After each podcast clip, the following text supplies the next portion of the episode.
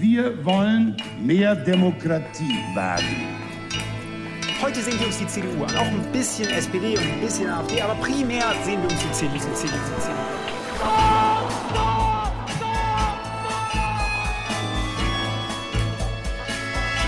Niemand hat die Absicht, eine Mauer zu errichten.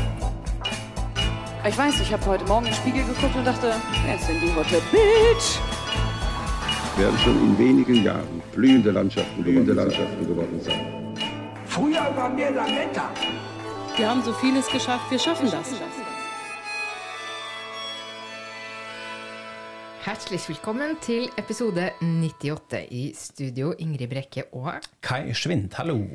I dag blir det litt valgkampoppdatering, og vi skal også se litt bakover og anbefale noen podkaster om Angela Merkels liv. En søt liten ordspalte blir det også plass til. Men først, hvordan har du hatt det i ferien, Kai? Ja, ikke sant, fordi vi var jo borte. Det er fint å være tilbake, det kan vi jo si. Godt å se deg, godt å ikke like høre det andre, men vi er tilbake, veldig gøy. Ja, jeg har hatt en ordentlig norgesferie. Man kan ikke si det på en annen måte. Eh, Jeg var i Trøndelag på et ekte trønderbryllup. Veldig interessant, altså i hjemmetraktene dine. Mhm. Eh, veldig fint, veldig, kanskje litt mye trønderrock eh, for min Nei, smak. det blir ikke for mye trønderrock. Kai. må, må man ha, Er det krav at man har mye trønderrock i et trønderbryllup? Jeg vet ikke. Ja, det vil jeg tro. Ok, så det var litt interessant, iblant litt mest fra et sånn antropologisk perspektiv. Men jeg koste meg eh, veldig òg. Og så eh, møtte vi foreldrene mine i Trondheim, eh, som tok turen. Foreldrene mine fra Tyskland, fullvaksinert, så de kom seg inn i landet. Og så gjorde vi en sånn lang eh, lang, en uke, en sånn roadtrip fra Trondheim tilbake til Oslo.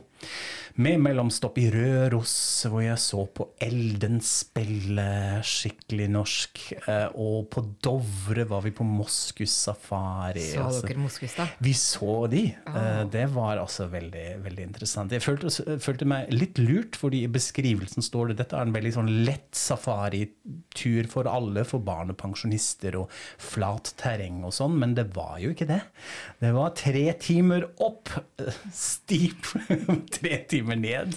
Jeg kan da avsløre som erfaren nordmann at eh, alle sånne lengde- og tidsangivelser på opplevelser i fjellet er skrevet av erfarne fjellfolk, og eh, vi andre må regne dobbelt opp. Ikke sant? Det fant vi også ut. Eh, Jeg er stolt at jeg klarte det, men det var eh, litt krevende iblant. Men vi fikk se Moskva, så det var veldig gøy. Så det var en ordentlig, ordentlig norgesferie, og det er jo kanskje den, en, positiv eh, aspekt av det koronapandemitider, at man ble tvunget av det.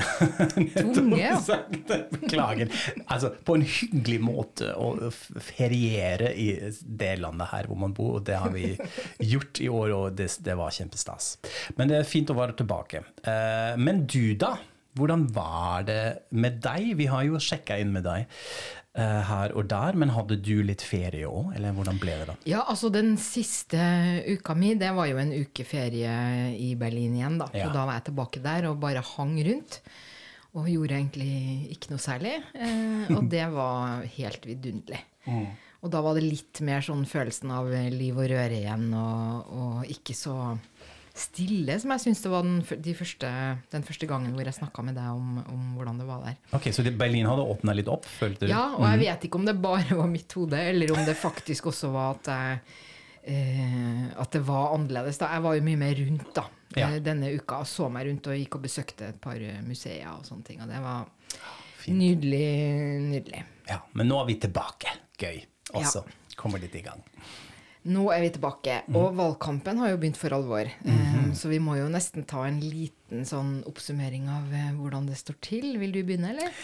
Ja, jeg kan prøve, selv om jeg ikke har fulgt så mye med. Men jeg kan jo begynne å overlate resten til eksperten eh, her. Altså, det er jo kanskje det mest interessante er altså, at den nesten blir litt snudd på hodet, kan man vel si, hvis vi sammenligner med hvordan det var før sommeren, og også litt det vi har snakket om i de, de episodene vi hadde, litt sånn rett før sommeren. Altså, da var jo De Grønne og Annalene Baerbock eh, høyt opp, og så begynte det å bli og I hvert fall Amin Laschet fra CDU også klarte seg veldig bra, og så skjedde det masse. Så var det CV-juks og plagiatsjuks, og så kom det flom og oversvømmelse, og Amin Laschet som falt skikkelig, eh, og ble samtidig også attakkert av sine egne rekker bestandig med Markus eh, Søder. Så nå har vi vel et ganske annerledes bilde, ikke sant? med spesielt CDO som faller og faller og faller. Eller hvordan vil Ja. du oppsummere det? Det var helt uh, utrolig å se denne uka som, uh, som gikk nå. Så kom det to meningsmålinger med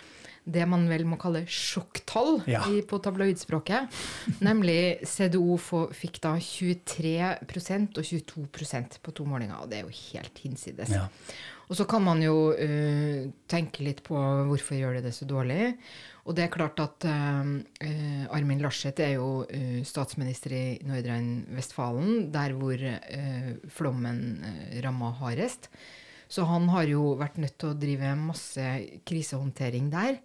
Og dette har han altså kommet veldig dårlig unna.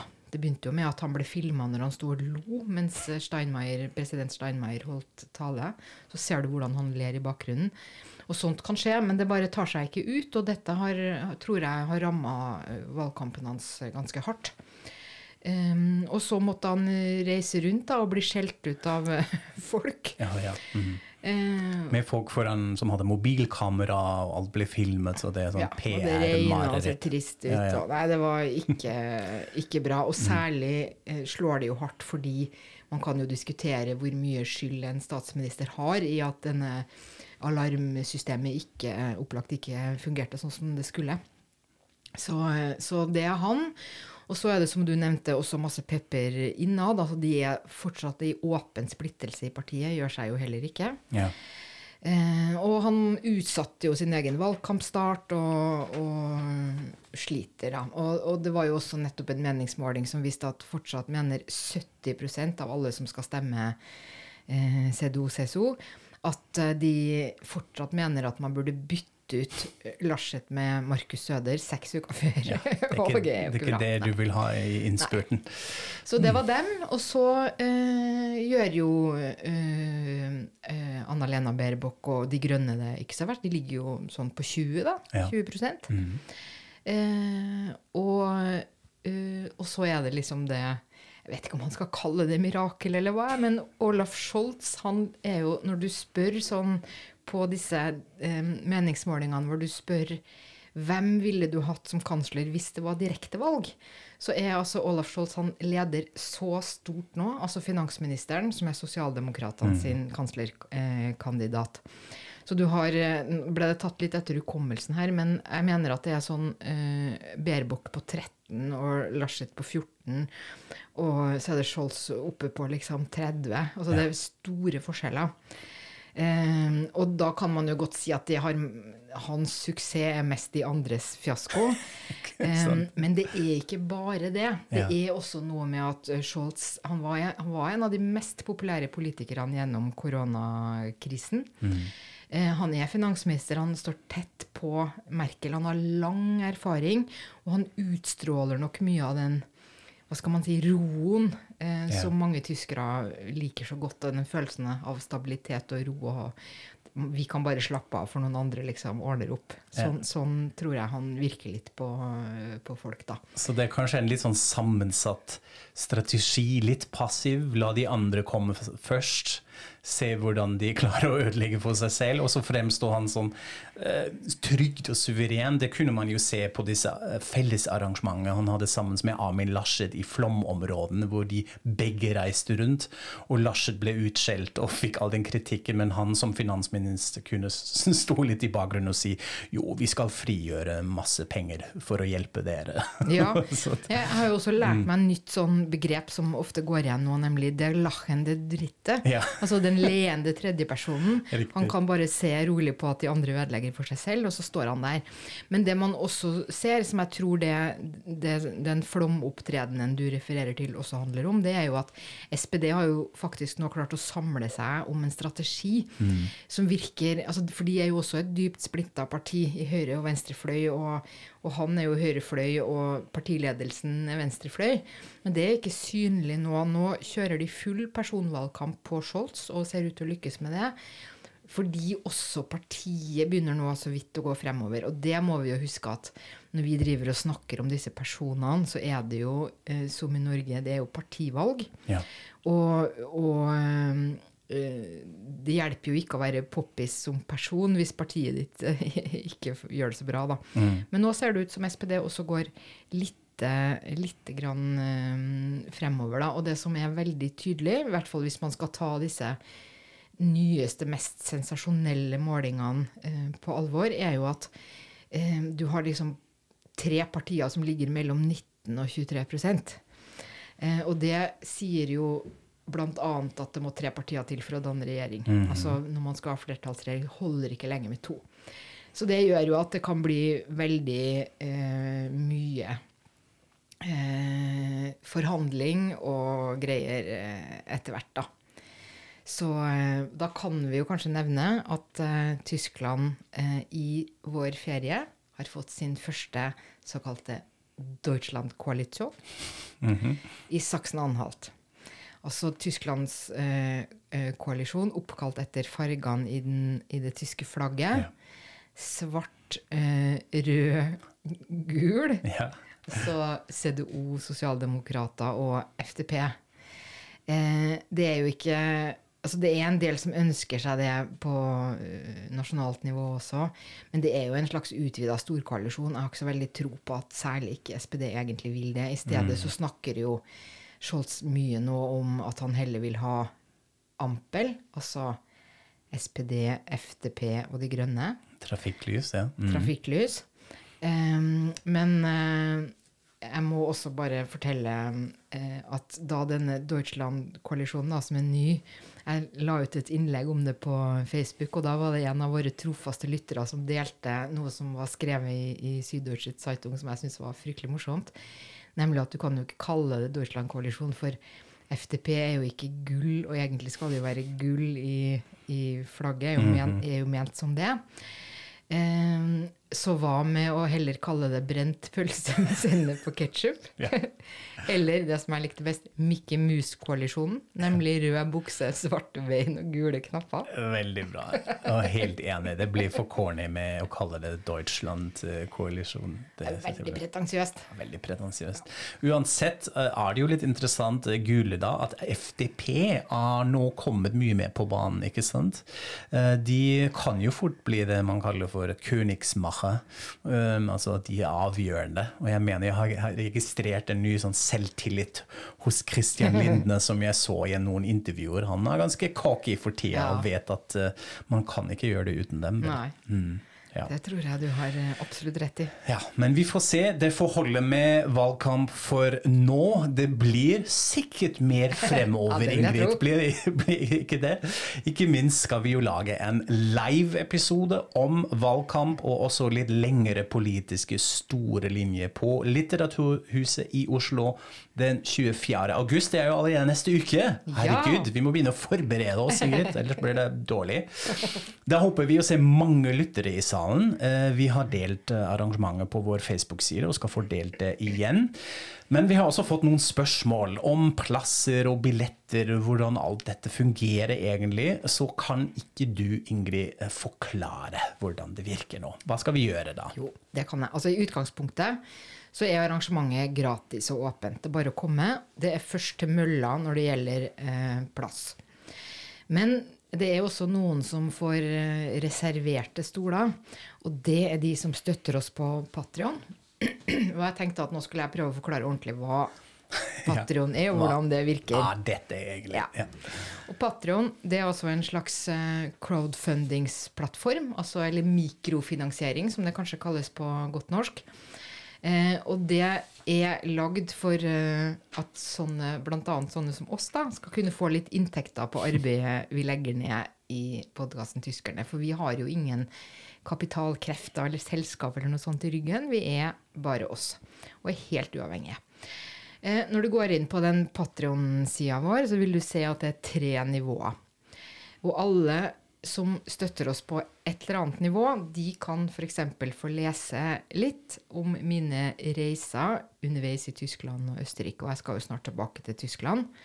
Så det blir mer av det utover høsten. Det blir også mange fine bilder, fordi jeg syns du er veldig flink med å ta bilder. Og det er ikke bare tekst. Å, takk. takk. -hmm. ja, det er ja. også bilder.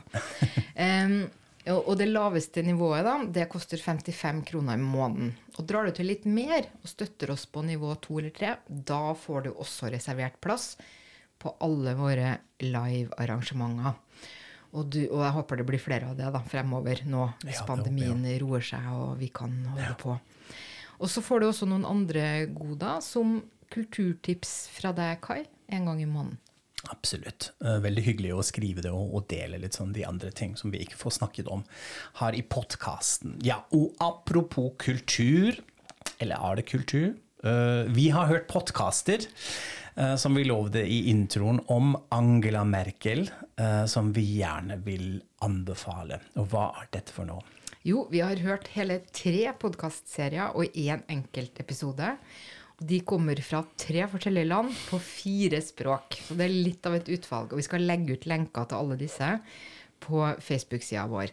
Men vi kan begynne med den som du hørte på i ferien din, Kai. Ja, det koste jeg meg veldig med. Dette var altså den tyske podkastserien eh, om Angela Merkel, produsert fra Deutschlandfunk, og da eh, nærmere fra Stefan Detjen og Tom eh, nå har jeg glemt hva han heter, en annen journalist som uh, faller ut. Men vi er jo store Stefan Detjen-fans, Ja, eh, egentlig. En av eh, Tysklands fremragende politiske journalister som har fulgt Merkel lenge, som har vært med på mange reiser med henne, intervjua henne mange ganger, så han vet virkelig hva han snakker om.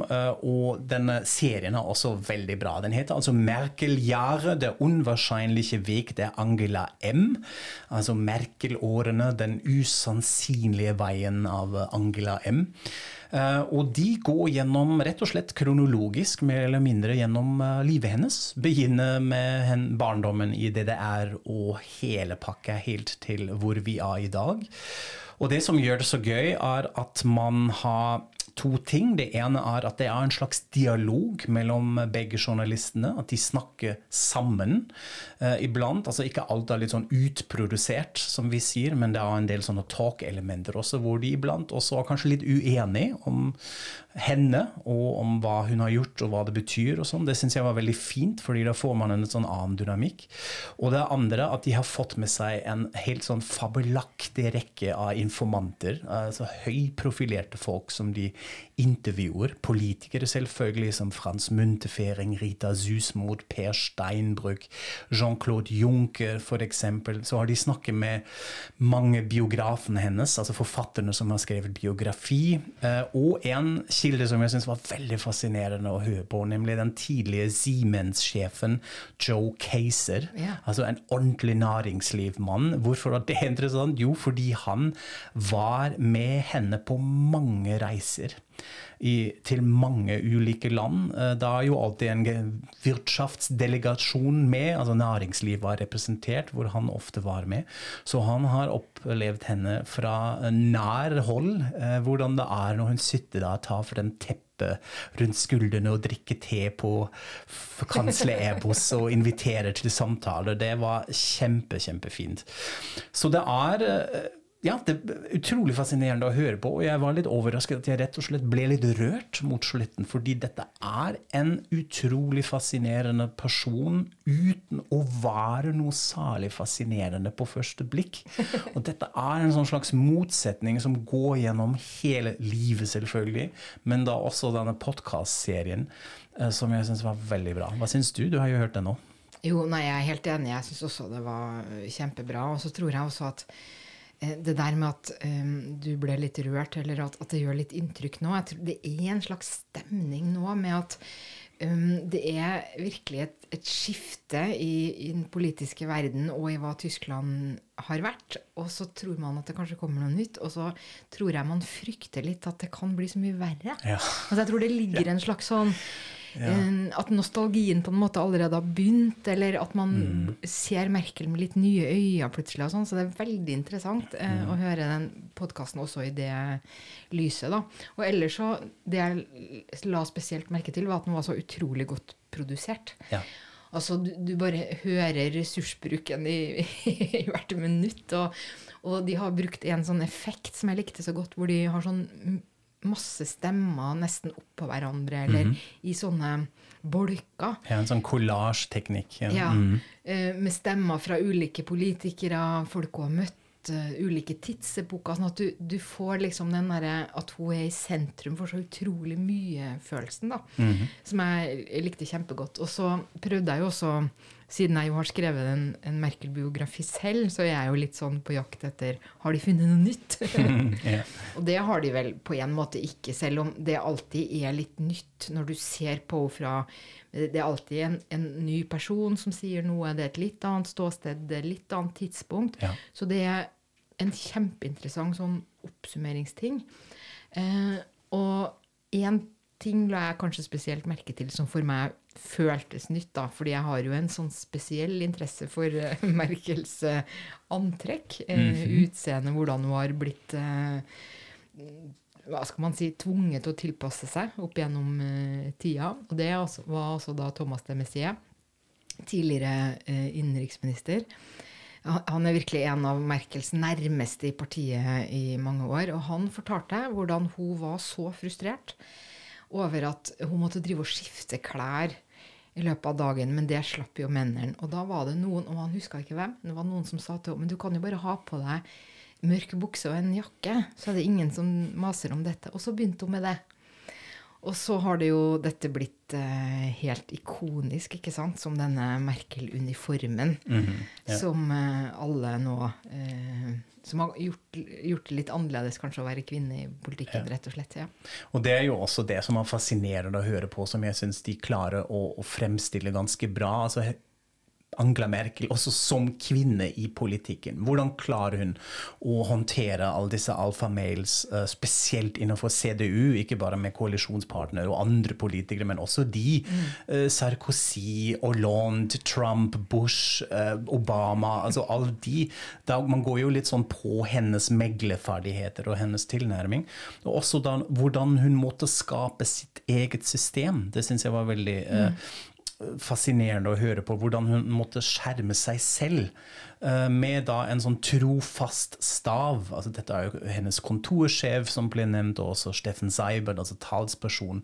Hun har jo jobbet sammen med de samme folka i mange år. Så man kanskje har skapt dette litt sånn, sier man, uoppnåelig eller distansert bilde av henne, men som er helt viktig og relevant og essensiell for henne til å overleve og fungere. Dette syns jeg var utrolig bra uh, forklart på en måte i podkasten Ja, også. nei, jeg er helt enig. Det er kjempeinteressant. Og det, og det er også, som så mye med Merkel, så har også dette to sider. For på den ene sida, ja, det beskytter hun. Eh, på den andre sida så er jo det noe av det hun har fått kanskje mm, den krit noe kritikk for som jeg syns er grunn til å ta på alvor, nemlig at det er noe hva skal man si, litt eh, demokratifjernt noen ganger med den måten å regjere på. At hun blir sittende inni denne bobla i kansleramt, omgitt av disse folka som man heller ikke alltid vet akkurat hvem er. Hvem Ja. tilhører den innerste sirkelen. Og de sitter der og styrer. Ingenting lekker ut noen gang. Aldri har noe lekt ut fra et morgenmøte med Merkel. ikke sant? Så Ja. det, det er pottetett. Og der sitter de og, og liksom legger planen og, og sånn. Det hører nok med, men det er også noe slags sånn derre demokratidempende eller, eller litt folkefjernt, eller hva man nå skal kalle det. Men kanskje er det nødvendig. Vet Ja, veldig godt, interessant poeng. Og kanskje en liten kritikk eh, mot denne serien, nemlig at den kanskje var litt ukritisk akkurat på det der. Eh, det kommer ganske få kritiske stemmer frem. Eh, jeg husker spesielt, fordi jeg syns også det sitatet er så fantastisk, den dessverre altfor tidlig døende forfatter Roger Williamsen, som hadde et fantastisk prosjekt fordi han satt i forbundsdagen i ett år og fulgte med alle debattene og har skrevet en fantastisk bok om dette, Das Hohe Haus. Og han sa altså om Merkels talestil uh, De forødet den diskurs. Altså hun dreper samtalen, hun dreper diskursen. Hun, hun, hun dreper all mulig form for dialektikk og spenning innenfor debatter. Og det, det er jo en kritikk som hun har fått, og det var også sånn sett fint at det var med, noe sånn uansett hva man mener om dette. Så det syns jeg var bra at de, de, nevnte dette, i hvert fall. Mm. Men du har jo hørt de andre podkastene her, ja, i andre språk. Det, det turte ikke jeg, i hvert fall ikke på ferie. Det er altså en dansk en. Hvordan ja. var dette? Ja, altså Danmarks Radio har en utenrikspodkast som heter Stjerner og striper. Og Stjerner og striper drar til Tyskland eh, og har lagd en eh, altså den, den, den, bolken heter 'Stjerner og striper drar til Tyskland', og de har lagd Merkel-spesial i fem episoder. Eh, og dette har jeg hørt, og eh, det er bygd opp litt på samme måte som du forklarte om den Deutschlandfunk-podkasten, altså kronologisk. Mm -hmm. eh, sånn at de begynner med eh, barndommen hennes, de er i Templin, de reiser eh, litt rundt. Men, men, det er jo en mye mindre påkosta produksjon. Sånn at dette enkelt lagd på den måten at det er eh, programlederen, og så er det én eh, ekspert, en som har bodd i Berlin i masse år og, og fulgt politisk utvikling, som blir intervjua. Det som gjør det vari variert og, og, artig, er jo det at de flytter seg fra steder. Da, og de har piknik utafor kansleramt, og de går på dette supermarkedet hvor Merkel eh, liker å handle. Altså, ja, sånn at de er på steder og snakker om det. Og de har en veldig sånn lett og uhøytidelig tone. Jeg vil kanskje si at de blir litt for flåsete noen ganger, og det er også litt sånn eh, Jeg får mine fordommer om dansker litt eh, innfridd med at de hiver innpå alkohol. ja, de bruker veldig mye tid på å diskutere hvilken rødvin Merkel egentlig har kjøpt på dette okay. supermarkedet. og sånn. Og, men jeg tror mange vil nok like det fordi det er lettbeint og lett tilgjengelig, og samtidig veldig informativt. Okay. Altså det er masse informasjon og, og, og, spennende hvis man da forstår dansk. Mm -hmm. ja. Ok, Så svenskene, da? Hvordan klarer de seg? Jo, svenskene er jo øh, Den jeg har hørt, er jo egentlig ikke sammenlignbart, for det er bare én episode. Ja, ok. Ja. Mm -hmm. Men det er da De har en uh, Sveriges uh, televisjon, SVT, de har en veldig god podkast som heter Europapodden. Hvor de snakker med sine utenrikskorrespondenter. Og her har de da lagd en hel episode om æraen Merkel. Da intervjuer de de fire korrespondentene som har dekka hennes regjeringstid. Og jeg likte det veldig godt, særlig, særlig han første, fordi han er åpen. Og sier liksom at han ikke tok henne noe særlig på alvor og ikke skjønte hva som var greia med henne. Og, sånn, og, og det er jo interessant, fordi det er nok ganske representativt. Han var ikke alene om det. Eh, så den er fin. Og så den siste som jeg bare skal nevne litt kort, det er da Deutsche Welle. Mm -hmm. men den er på engelsk, og den heter 'Merkels Last Dance', og den har pågått ganske lenge. Og det er da eh, helt individuelle episoder som tar opp forskjellige sider ved Merkels eh, regjeringstid. Så de har f.eks. intervjua George W. Bush om USA de, den nyeste episoden er sånn uh, Merkel og teknologi. Hvorfor ligger digitaliseringa så dårlig an? Det, hva har Merkel gjort og ikke gjort? og sånn. Okay. Så det er veldig sånn tematisk, mm -hmm. men, men, veldig informativt. Og altså da på engelsk mm. og, og, tilgjengelig. Ja. Så da har man mye Merkel å kose seg med, ja. og man kan kanskje si at uh, Götterdämmerungen, Merkel-Götterdämmerungen har begynt. Jeg gleder meg allerede til biopic når Meryl Streep skal spille Angela Merkel og sånn. Det, det, kommer jo. Men det store spørsmålet, og det er de jo alle innpå, og i hvert fall den jeg har hørt også, hva skal hun gjøre nå? Hva skal hun gjøre etterpå? Det er noen uker igjen, så er hun kansler. Kanskje litt til, men that's it. Hva skal hun gjøre?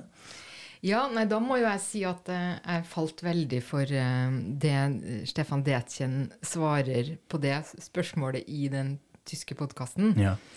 Nemlig han beskriver hvordan han syns Merkel sitter på flyet og ser sånn lengselsfullt ut av vinduet. Mm -hmm. Um, hun ser ned på Kina, hun ser ned på Chile, der det er et sånn stort uh, observatorium, tror jeg.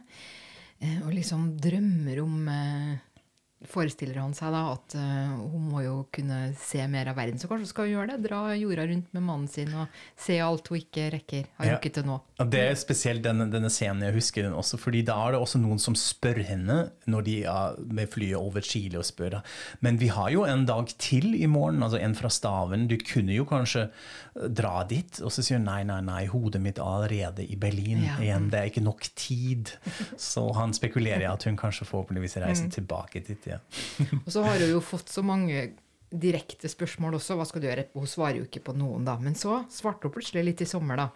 For hun var jo på sin, sitt siste USA-besøk som kansler, og da fikk hun også en sånn æres... eh, Doktor, eh, et æresdoktorat på Johns Hopkins-universitetet.